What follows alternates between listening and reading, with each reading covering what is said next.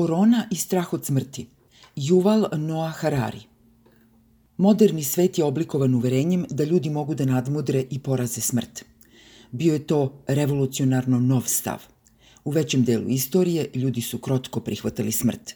Sve do poznog modernog doba većina religija i ideologija videla je smrt ne samo kao neizbežan usud, već i kao glavni izvor smisla u životu.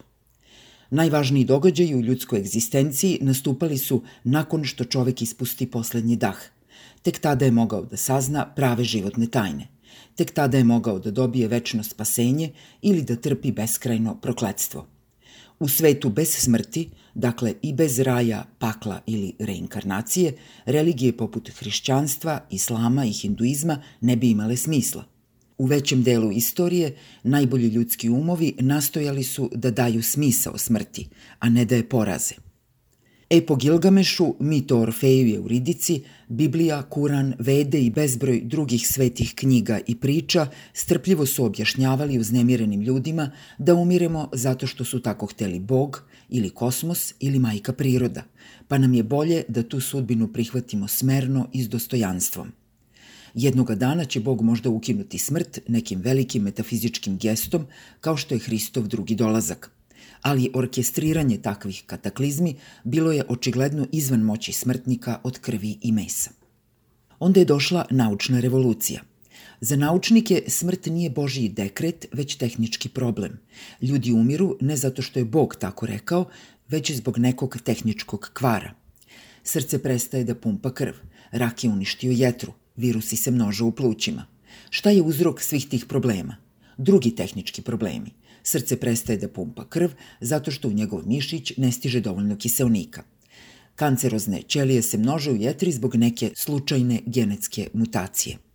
Virusi su se nastanili u mojim plućima zato što je neko kinuo u autobusu. U tome nema ničeg metafizičkog. Nauka veruje da za svaki tehnički problem postoji tehničko rešenje – Nije potrebno da čekamo drugi Hristov dolazak da bismo prevazišli smrt. To može da učini par naučnika u laboratoriji. Dok je nekad tradicionalna smrt bila specijalnost sveštenika i teologa u crnim mantijama, sada je ona specijalnost ljudi u belim laboratorijskim mantilima. Ako srce posustaje, možemo da ga stimulišemo pacemakerom ili čak da ga zamenimo. Ako rak krene da se širi, možemo da ga ubijemo zračenjem. Ako se virusi namnože u plućima, možemo da ih eliminišemo nekim novim lekom. Istina je da u ovom trenutku nismo u stanju da rešimo sve tehničke probleme, ali radimo na tome. Najbolji ljudski umovi više ne provode vreme pokušavajući da daju smisao smrti. Umesto toga, oni rade na produžavanju života. Istražuju mikrobiološke, fiziološke i genetičke sisteme i razvijaju nove lekove i revolucionarne tretmane. Ljudi su bili vrlo uspešni u borbi da produže život. Tokom poslednja dva veka očekivano trajanje života skočilo je sa 40 na 72 godine u celom svetu, a u nekim razvijenim zemljama na više od 80 godina. Posebno su deca istrgnuta iz kanđi smrti. Pre 20. veka najmanje svako treće dete nije imalo priliku da odraste. Deca su podlegala dečijim bolestima kao što su dizenterija, rubeola i male boginje. U 17. veku u Engleskoj oko 150 od 1000 novorođenčadi umiralo je tokom prve godine života, a samo oko 700 njih je stizalo do 15. godine. Danas samo 5 od 1000 novorođenih umre u prvoj godini, a 993 proslavi 15. rođendan. U celom svetu stopa smrtnosti dece pala je ispod 5 od 100. Bili smo tako uspešni u pokušaju da sačuvamo i produžimo život da se naš pogled na svet duboko promenio.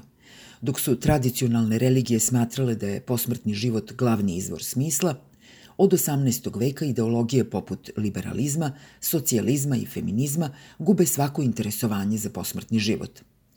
Šta se događa komunisti ili komunistkinji posle smrti?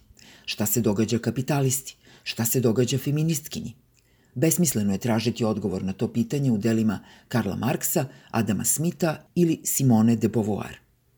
Nacionalizam je jedina moderna ideologija koja još daje smrti centralnu ulogu. U svojim poetičnijim i očajnijim trenucima nacionalizam obećava da će oni koji umru za naciju večno živeti u kolektivnom sećanju.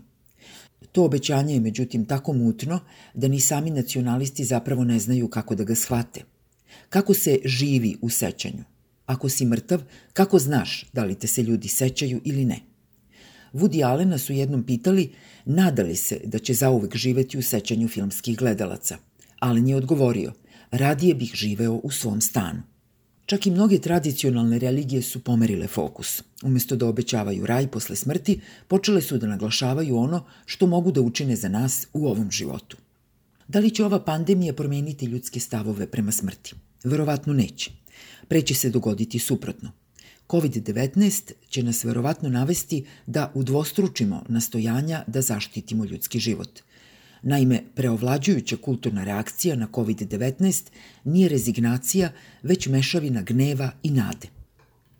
Kad bi epidemija izbila u nekom premodernom društvu, na primjer u srednjovekovnoj Evropi, ljudi su naravno strahovali za život i očajavali zbog smrti voljenih, ali glavna kulturna reakcija bila je rezignacija.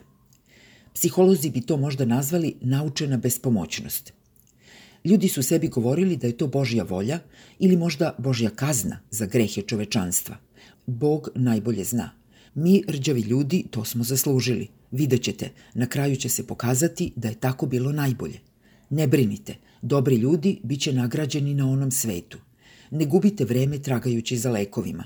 Bolest je poslao Bog da nas kazni. Oni koji smatraju da ljudi svojom domišljatošću mogu pobediti epidemiju, samo drugim gresima dodaju i greh taštine. Ko smo mi da se mešamo u Božje planove? Danas su stavovi diametralno suprotni. Kad god neka katastrofa, železnička nesreća, veliki požar, uragan, ubije mnogo ljudi, skloni smo da to vidimo kao ljudski propust, a ne kao Božju kaznu ili neizbežnu prirodnu pojavu da železnička kompanija nije škrtarila na bezbednosti, da je opština usvojila bolje protivpožarne mere, da je vlada brže poslala pomoć, ti ljudi su mogli biti spaseni. U 21. veku masovna smrt postala je automatski razlog za tužbe i istrage. Takav je naš stav i prema smrtonosnim bolestima. Dok su neki sveštenici požurili da opišu sidu kao božju kaznu za homoseksualce, moderno društvo milosrdno šalje takva gledišta na svoje umobolne margine i danas širenje side, ebole i drugih skorošnjih epidemija uglavnom vidimo kao organizacione propuste. Pretpostavljamo da čovečanstvo raspolaže znanjem i alatima za suzbijanje takvih bolesti. A ako se infektivna bolest ipak otme kontroli, razlog je ljudska nesposobnost, a ne Božji gnev. COVID-19 nije izuzetak od tog pravila – Kriza je daleko od završetka, a već je počelo traženje krivaca. Razne zemlje optužuju jedna drugu. Politički rivali jedni drugima prebacuju odgovornost kao ručnu granatu iz koje je izvađena igla. Pored gneva tu je i ogromna nada.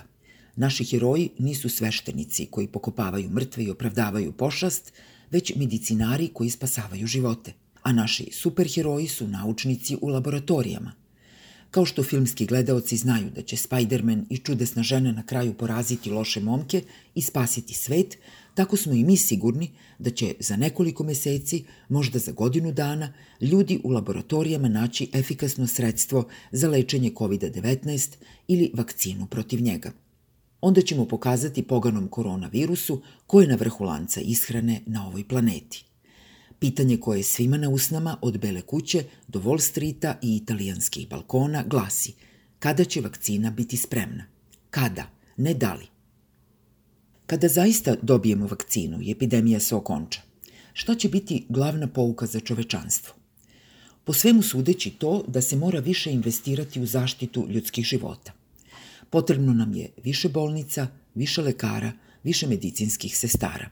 Potrebne su nam veće rezerve respiratora, više zaštitne opreme i testova.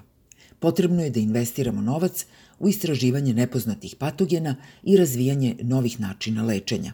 Ne smemo opet dozvoliti da budemo zatečeni. Neki bi mogli reći da je to pogrešna pouka i da ova kriza treba da nas nauči skromnosti. Ne treba da budemo tako sigurni u svoju sposobnost pokoravanja sila prirode. Mnogi od takvih su srednjovekovni ostaci koji propovedaju skromnost i sto odsto su sigurni da znaju sve prave odgovore. Neki zadrti vernici ne mogu da se uzdrže. Sveštenik koji vodi nedeljni čas Biblije za kabinet Donalda Trumpa rekao je da je i ova epidemija kazna za homoseksualnost. Ali čak i najveće pristalice tradicije danas polažu više nade u nauku nego u sveto pismo. Katolička crkva poručuje vernicima da se drže dalje od crkava. Izrael je zatvorio svoje sinagoge. Islamska republika Iran upozorava ljude na opasnost od odlaska u džamiju. Hramovi i sve vrste sekti obustavili su javne obrede. A sve zbog toga što su naučnici izneli svoje zaključke i preporučili zatvaranje svetih mesta. Naravno, ne spada svako ko opominje na ljudsku oholost u srednji vek. Čak i naučnici se slažu da naša očekivanja moraju biti realističnija i da ne smemo slepo verovati u moć lekara da nas zaštite od životnih nedaća. Dok čovečanstvo kao celina postaje još moćnije, pojedinci još moraju da se suočavaju sa svojom prolaznošću. Možda će za vek ili dva nauka uspeti da beskonačno produži ljudski život, ali to za sad ne može da učini. Sa mogućim izuzetkom nekolicine današnjih milijarderskih beba, svi ćemo jednoga dana umreti i svi ćemo izgubiti svoje voljene. Moramo prihvatiti svoju prolaznost. Sadašnja kriza zaista bi mogla mnoge pojedince učiniti svesnijim prolazne prirode ljudskog života i ljudskih postignuća. Ali naša moderna civilizacija u celini verovatno će krenuti suprotnim putem. Opomenuta na svoju prolaznost, reagovaće građanjem snažnije odbrane. Kad se ova kriza završi, ne očekujem da će odeljenja za filozofiju dobiti primetno veći budžet, ali kladim se da će se budžeti medicinskih škola i zdravstvenih sistema znatno povećati. Možda je to najbolje što ljudi mogu da očekuju. Vlasti se ni inače ne ističu naročito u bavljenju filozofijom. Nije to njihov domen. One treba da se fokusiraju na izgradnju boljih zdravstvenih sistema. Na pojedincima je da grade bolju filozofiju – Lekari ne mogu da reše zagonetku našeg postojanja, ali mogu da nam obezbede malo više vremena da se njome sami bavimo. Šta ćemo s tim vremenom uraditi, zavisi od nas.